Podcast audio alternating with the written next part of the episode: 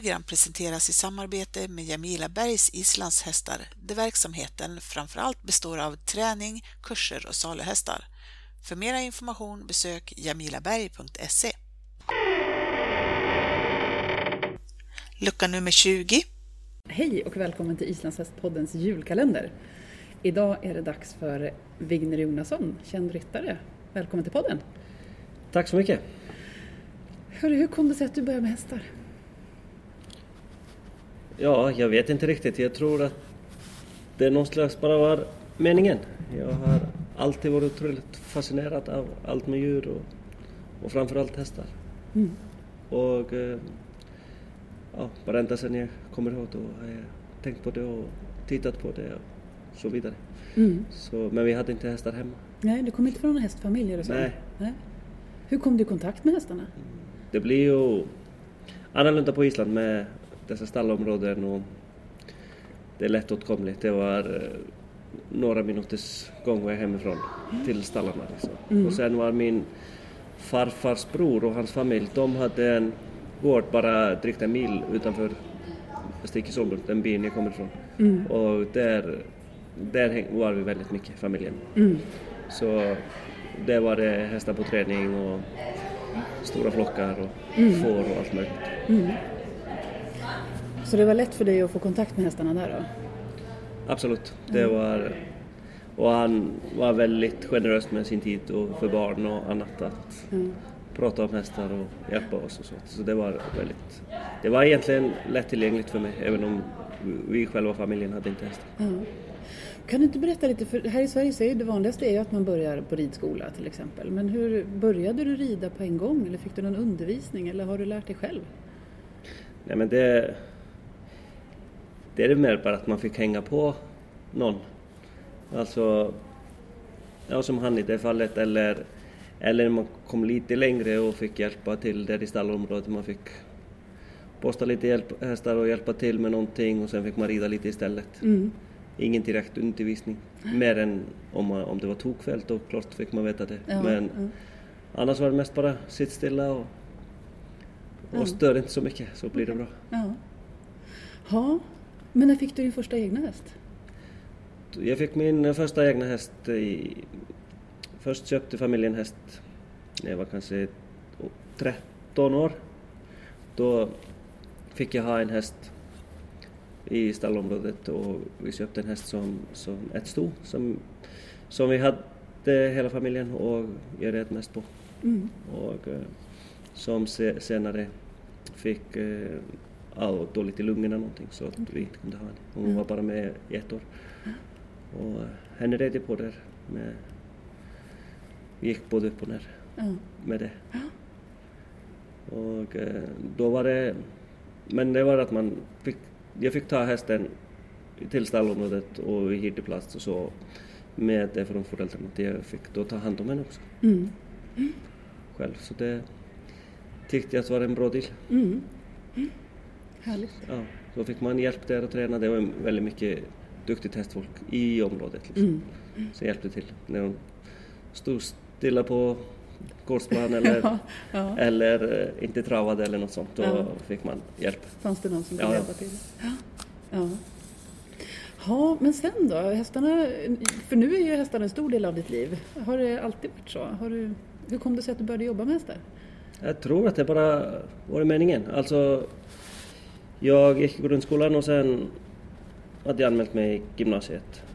Och eh, sen dagen innan skolan skulle börja, då kom det en kille till mig som hade tagit över ansvaret på en jättestor nybyggd hästgård i närheten Mm.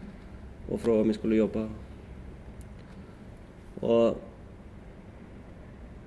det gjorde jag. Så det blev ingen skola annan än den skolan. Ja, så du började jobba med hästarna istället för att gå gymnasiet? Ja. Vad sa mamma och pappa om det? Jo, det var väl... Det är väl... eh, Det var ju annorlunda då. Det var ju alla yrkesutbildningar och så började direkt efter, efter grundskolan. Och, Mm. och nej, det var mera... Det är klart att jag skulle gå i skolan och det var väl meningen att det skulle bara vara något sabbatsår.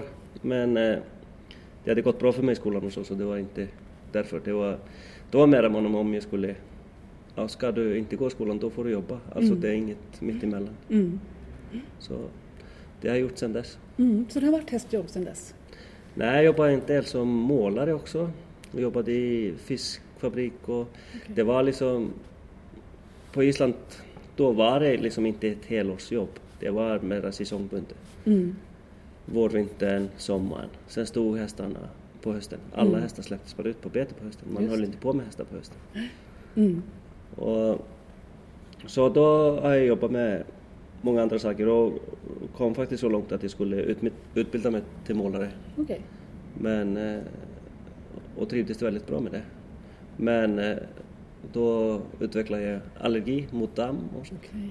Ja. Så det gick inte. Så då var det bara hästar. Ja. Var lärde du dig att rida? Var kom din ridkunskap ifrån? Hur ska man bli en duktig ryttare?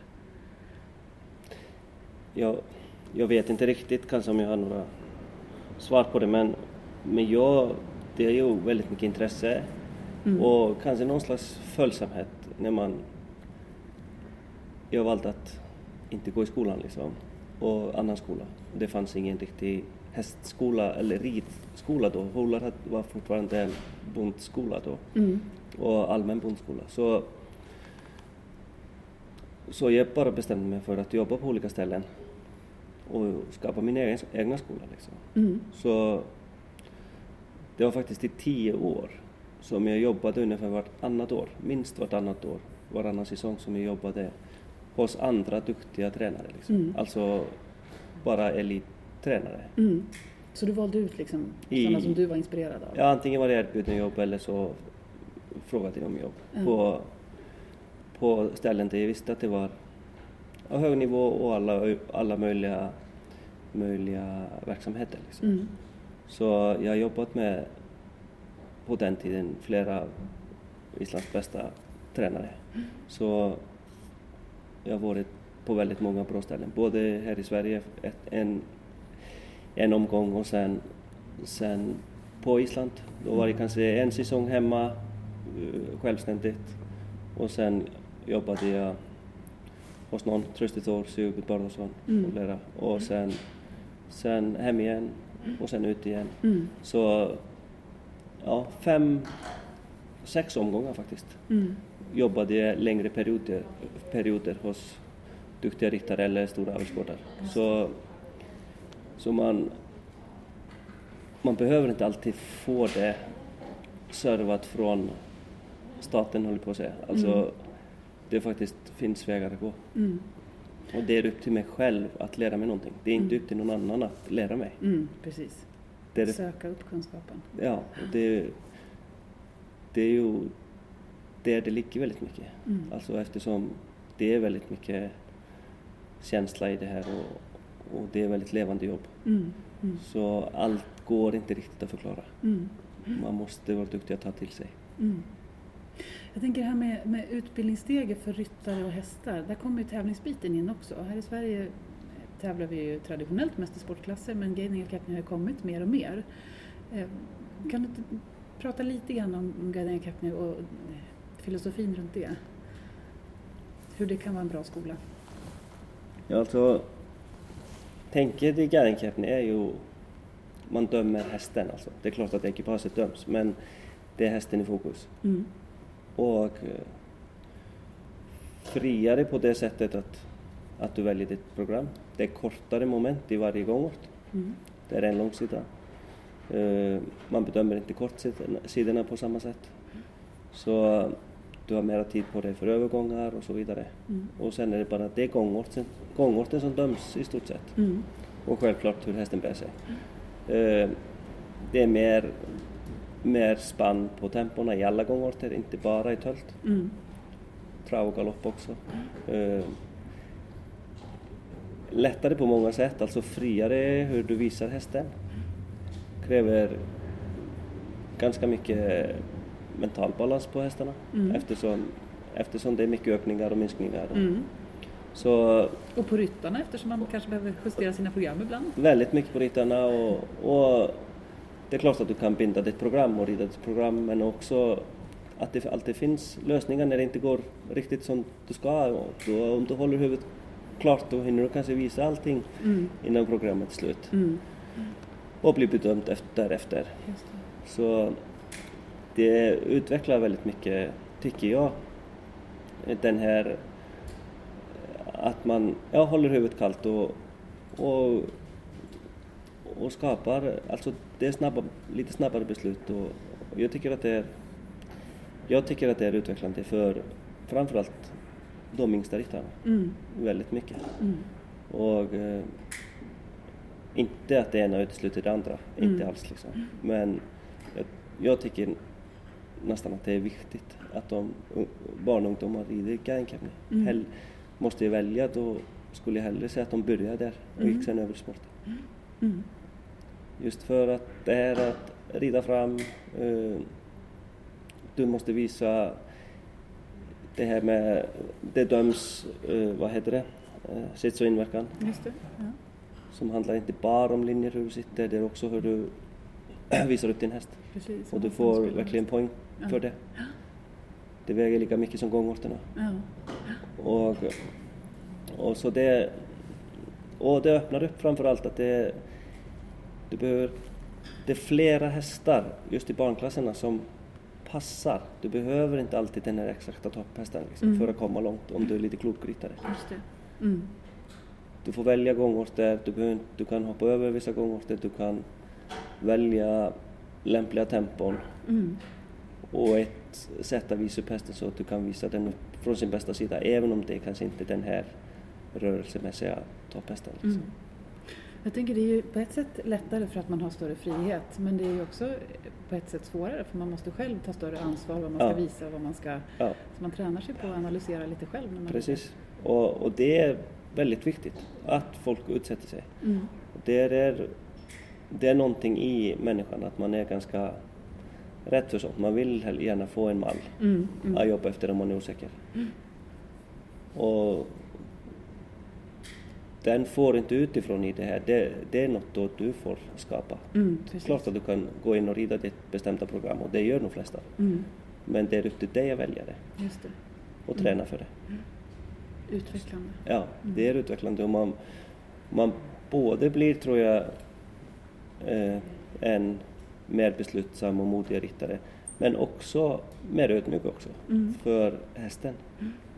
För att du jobbar ofta på lite högre energinivå och du får inte gå för långt där Mm. för att inte tappa kontroll och, och samarbetet med hästen. Mm.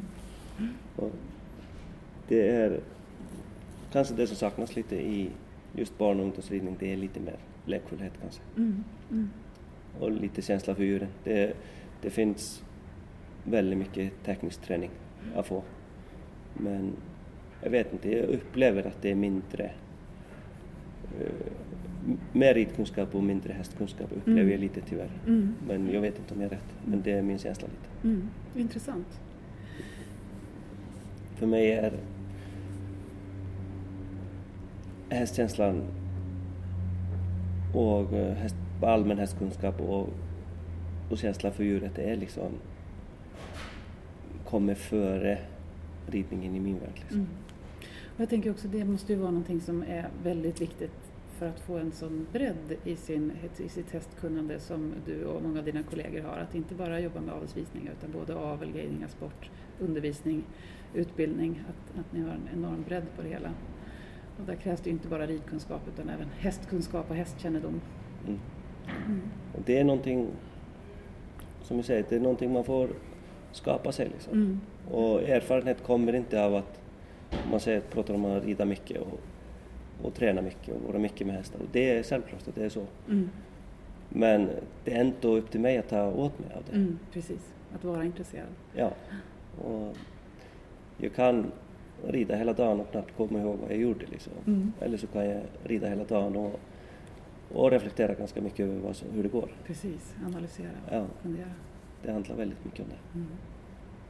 Bra tips till våra yngre kollegor. Mm. Mm. Trivs du med ditt jobb? Ja, det gör jag nog alltid. Ja. Det, det blir väldigt mycket ibland och det är klart att man tröttnar och så vidare men jag, jag tror aldrig att jag har ångrat att jag valt att göra det här. Mm. Men berätta, hur ser ditt jobb ut idag? Idag ser det ut så att jag har en eh, jag har min verksamhet på Backholme i Falkenberg där jag hyr in mig hos familjen Wingstrand där de har sin avel. Och eh, jag hyr in min verksamhet som består av eh, egentligen all service inom häst, ja, men det är väldigt mycket träningshästar. Hästar mm. inför eh, inridning, hästar inför avelsvisning, mm. försäljning och väldigt mycket lektioner och kurser. Åker runt i landet och kurser. Mm. Så det är inte jättemycket tid över mm. till annat. Men, och just nu när vi träffas så har du varit på Vången. Du har lite engagemang där också. Berätta om ja, det. Jag är gästlärare och examinator på Vången. Ja. Och uh, har varit där i, jag vet inte, det måste bli de närmaste tio år nu. Mm. Och uh, tycker det är roligt. Det är, tycker det är utvecklande och, och kul att se hur det ser ut i skolvärlden också. Mm. Mm. Och det är nog nyttigt att, att få se hur saker går till där. Mm. Tycker jag. Um, du är ju en av de i Sverige som visar väldigt mycket avelshästar uh, och har varit årets avelsryttare många gånger. Hur många gånger är det? Oj, uh, vad sa de? Elva? Nej. Jag kommer inte ihåg. Det var många, många gånger, gånger, i alla fall. Ja. Ja. Och blev det i år också, vilket vi gratulerar till naturligtvis. Tack. Ja. Um, kan du inte berätta lite om det här med, med avelsvisning och din filosofi runt det? Avelshästarna. Ja, alltså- Tränar du dem annorlunda än tävlingshästarna till exempel? Nej, det tror inte jag. Inte, grund, eh, inte grundträningen och grundtänket i träning av häst tycker inte jag annorlunda. Så är det för sig så att med avelshästarna att jag, hästarna som jag visar, det är ofta unga hästar. Mm. Sen fortsätter sen till tävlingskarriär. Mm. Så att prata om att träna tävlingshäst, det är liksom... Det kommer ju senare egentligen liksom. Jag tycker när man pratar om att träna tävlingshäst när man är fyra och femåringar, då är man lite tidigt ute. Mm. Och det är... Det är en bara en, för mig en vanlig grundutbildning av häst liksom. Att det inte... Jag tror att jag tränar hästen som ska bli bli en eh, familjehäst och ridhäst trevlig i skogen eller kurshäst eller någonting. Tränar den inte något annorlunda. Mm. Det, är, det är bara så att med de här unga hästarna, vissa kommer hela vägen och, och, och klarar det och andra backar man av tidigare och sen av någon anledning att man vill gå långsammare fram och, och passar att inte forcera men det är vissa saker som måste i min värld finnas i alla ridhästar. Det är en grundkondition, mm. Eh, löparkondition. Alltså det tycker jag att måste utvecklas ganska tidigt. Mm. Eh, en eh, grundbalans, egen balans i hästen, att man har uppmuntrat det tidigt. Mm. Och, och en avspänd arbetsvilja som blir väldigt mycket lättare att få ner hästarna, bra grundbalans i sina gångorter mm. och, och ha bra kondition så mm. att det inte blir för svårt för dem att, att uh, gå i högre kapacitet. Mm. Så det är egentligen inga, inga konstigheter, inte mm. för mig. Så här har jag, jag har vuxit upp med att träna hästar även om man har lärt sig mer och mer under åren. Mm. Och det är inte jag försöker göra det, det hästvänligt och förstå varje individ. Men, men det är först och främst grundjobb mm. som, som ger det här.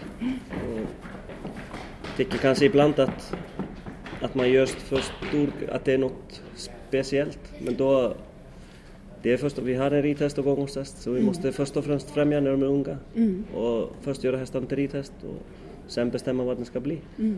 Så för det här är ju, det, det, diskuteras ju ibland att det är bristen på duktiga avelsvisare, att det inte är så många som gör det och ska man visa sin häst själv eller inte.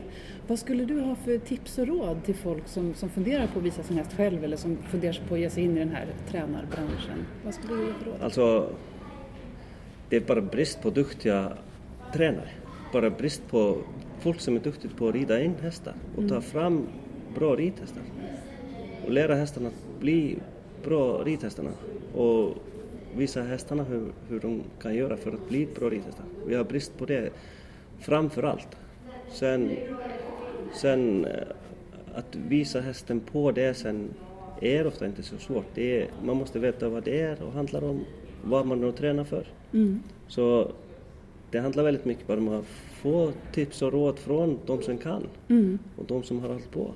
Och det finns allt möjligt. Vi har ett väldigt, väldigt eh, detaljerat eh, bedömningssystem som läser man om det liksom och förstår vad man ska ta fram, Mm. då kan man börja fundera hur man ska träna till det. Mm. Och, och ta hjälp till det och vara mycket på avelsvisningar. Mm. Jag tycker fascinerande vad lite unga ryttare finns på avelsbedömningar. Mm. De pratar om avelsbedömningar och, och att de absolut vill visa häst men de har kanske aldrig varit där. Mm.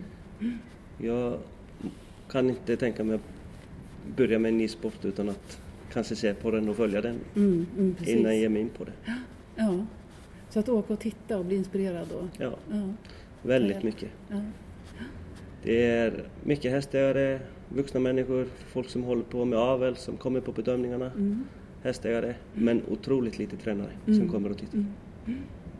Det var ett bra tips. Hur kom du in på det här med att visa avelshästar? Hur började det för dig? Eh, nej, jag, Kommer du ihåg de första hästarna du visade? ja, det var två vallackar som jag hade. En, min egen, min första egna häst, Eltur från Leolstö, som jag hade och, och en annan. Det var femgångshäst och den andra, Rimnir, han var fyrgångare. Mm. Och så var avelsbedömning hemma i Sticksholmer och eh, då var det i, på flygplatsen, eller Okej. flygbanan. Det var, Okej. Gamla flygbanan var Ja, stängt. okej. Så, Så gjorde man om det till avelsbana? ja, Ja. och eh, då... Det var bara så att eh, ägarna till Rimnis pappa och Eldurs mamma kontaktade mig angående att de ville få dem visade som avkommor. Mm. Och jag hade hästarna i träning, eller red på dem.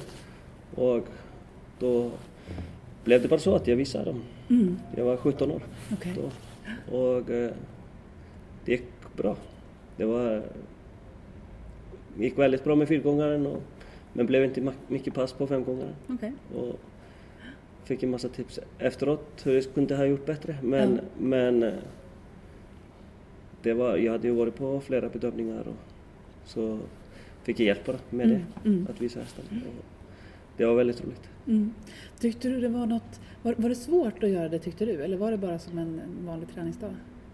Eh, det som är annorlunda med om man är till exempel vuxen nu på Island med mera guidingtävling. Det guidingtävling-program bygger på att du gör ditt eget program. Mm. Du har lärt dig tidigt att fundera på hur du ska lägga upp saker och ting och gångårsföljd och, och så vidare. Mm. Eh, du lär dig rida tempon och om du är uppväxt med guidingtävling.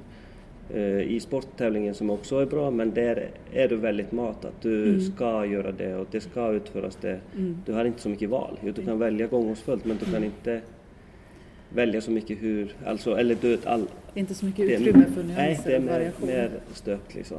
Och du har ingen andra chans Nej, just det. om det misslyckas till Precis. exempel. Och så, Ja. och, så det, är, det är väldigt skillnad där i och där tycker jag ligger väldigt mycket i det här första gångs visning har man aldrig lagt upp ett eget program. Mm.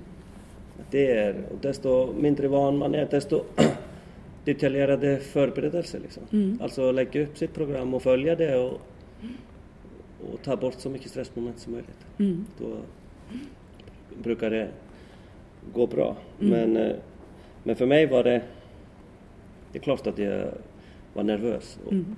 och det var väldigt stort för mig liksom, att göra det.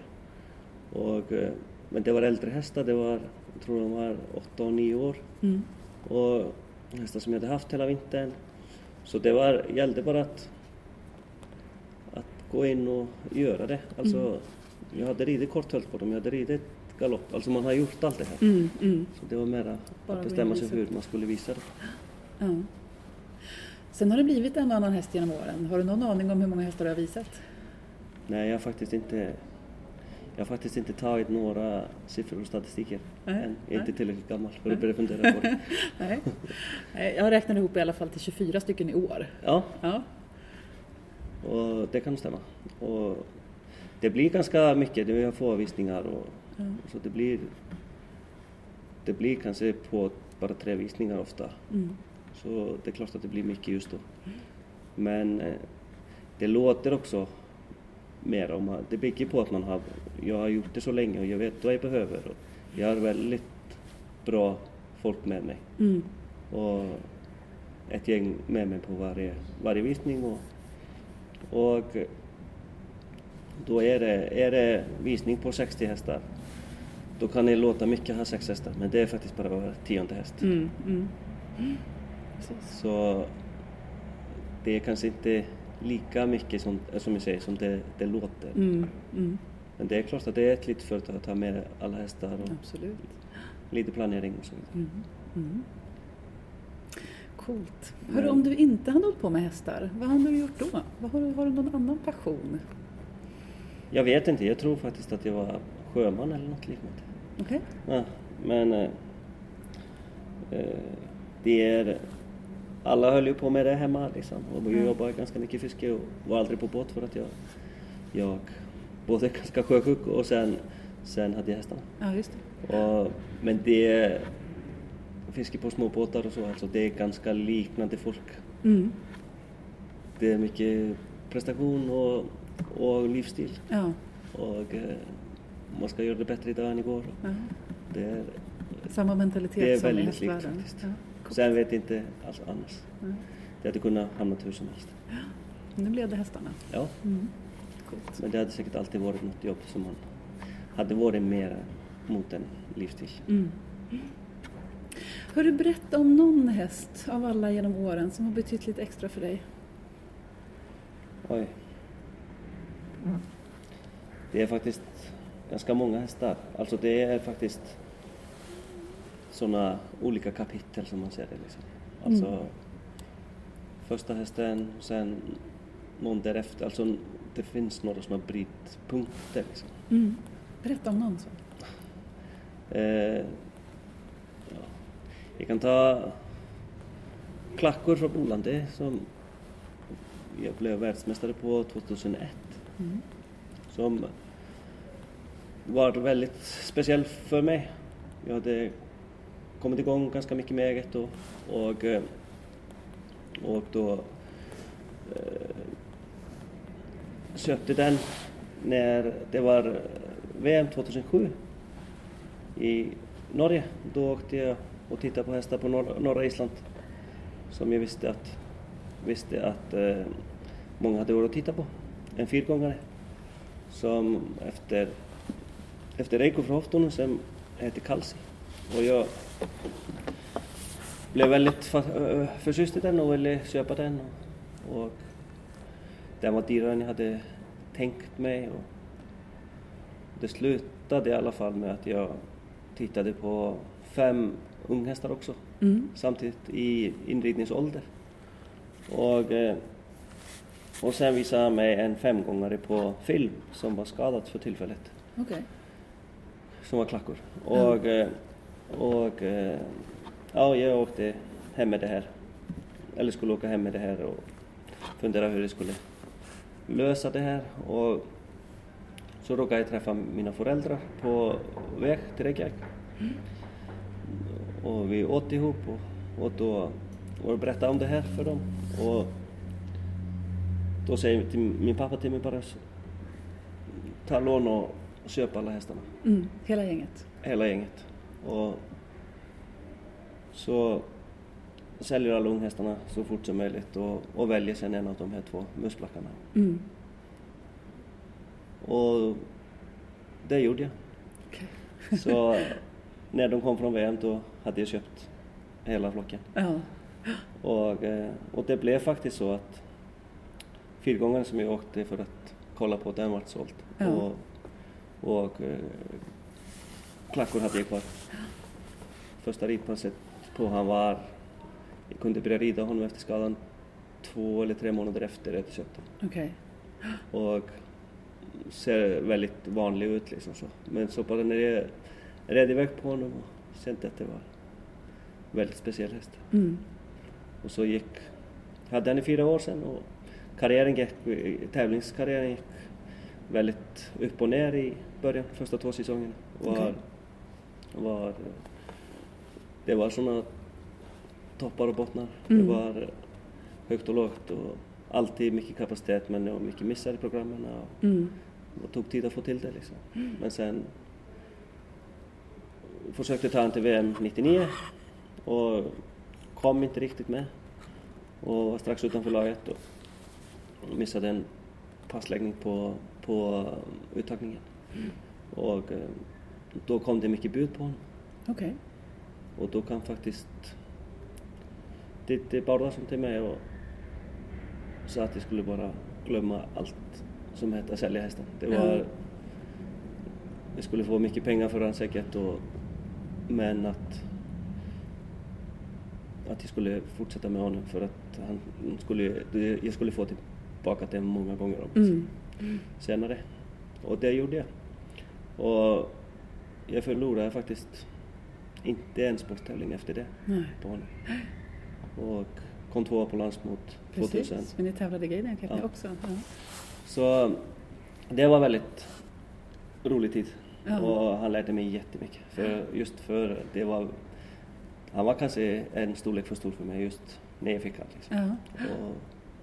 Och, och eh, jag fick, jag fick eh, lära mig jättemycket på honom för att det skulle fungera. Mm. Och, väldigt, och en tid jag tänker på ofta när jag håller på med hästar. Mm.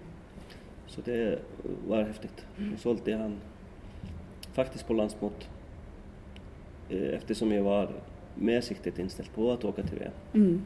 ett år senare. Och då ville jag få honom sålt för att inte ha den stressen. Just det. Och då var det två, eller Österrik, Österrikes familj som köpte han på landsmot och jag fick ha han ett år till. Just det. Så, så på den vägen var det. Mm. Och Och så vann ni VM i fem gång 2001. Fem gånger kombination. Och kombination, precis. Ja, det var häftigt. Ja, det var riktigt roligt. Och, och såna, ja lite brytpunkt för mig det liksom. Mm. Det var kul. Mm. Hörru, du har ju gjort massor i hästvärlden redan och uppnått väldigt mycket. Men vad är det som driver dig framåt? Vad har du för drömmar kvar? Och vad, är det, vad har du för passioner? Vad skulle du vilja bidra med till islandshästvärlden? Jag, vet inte, jag tycker det är väldigt roligt nu med allt som händer liksom. Att det, det är verkligen...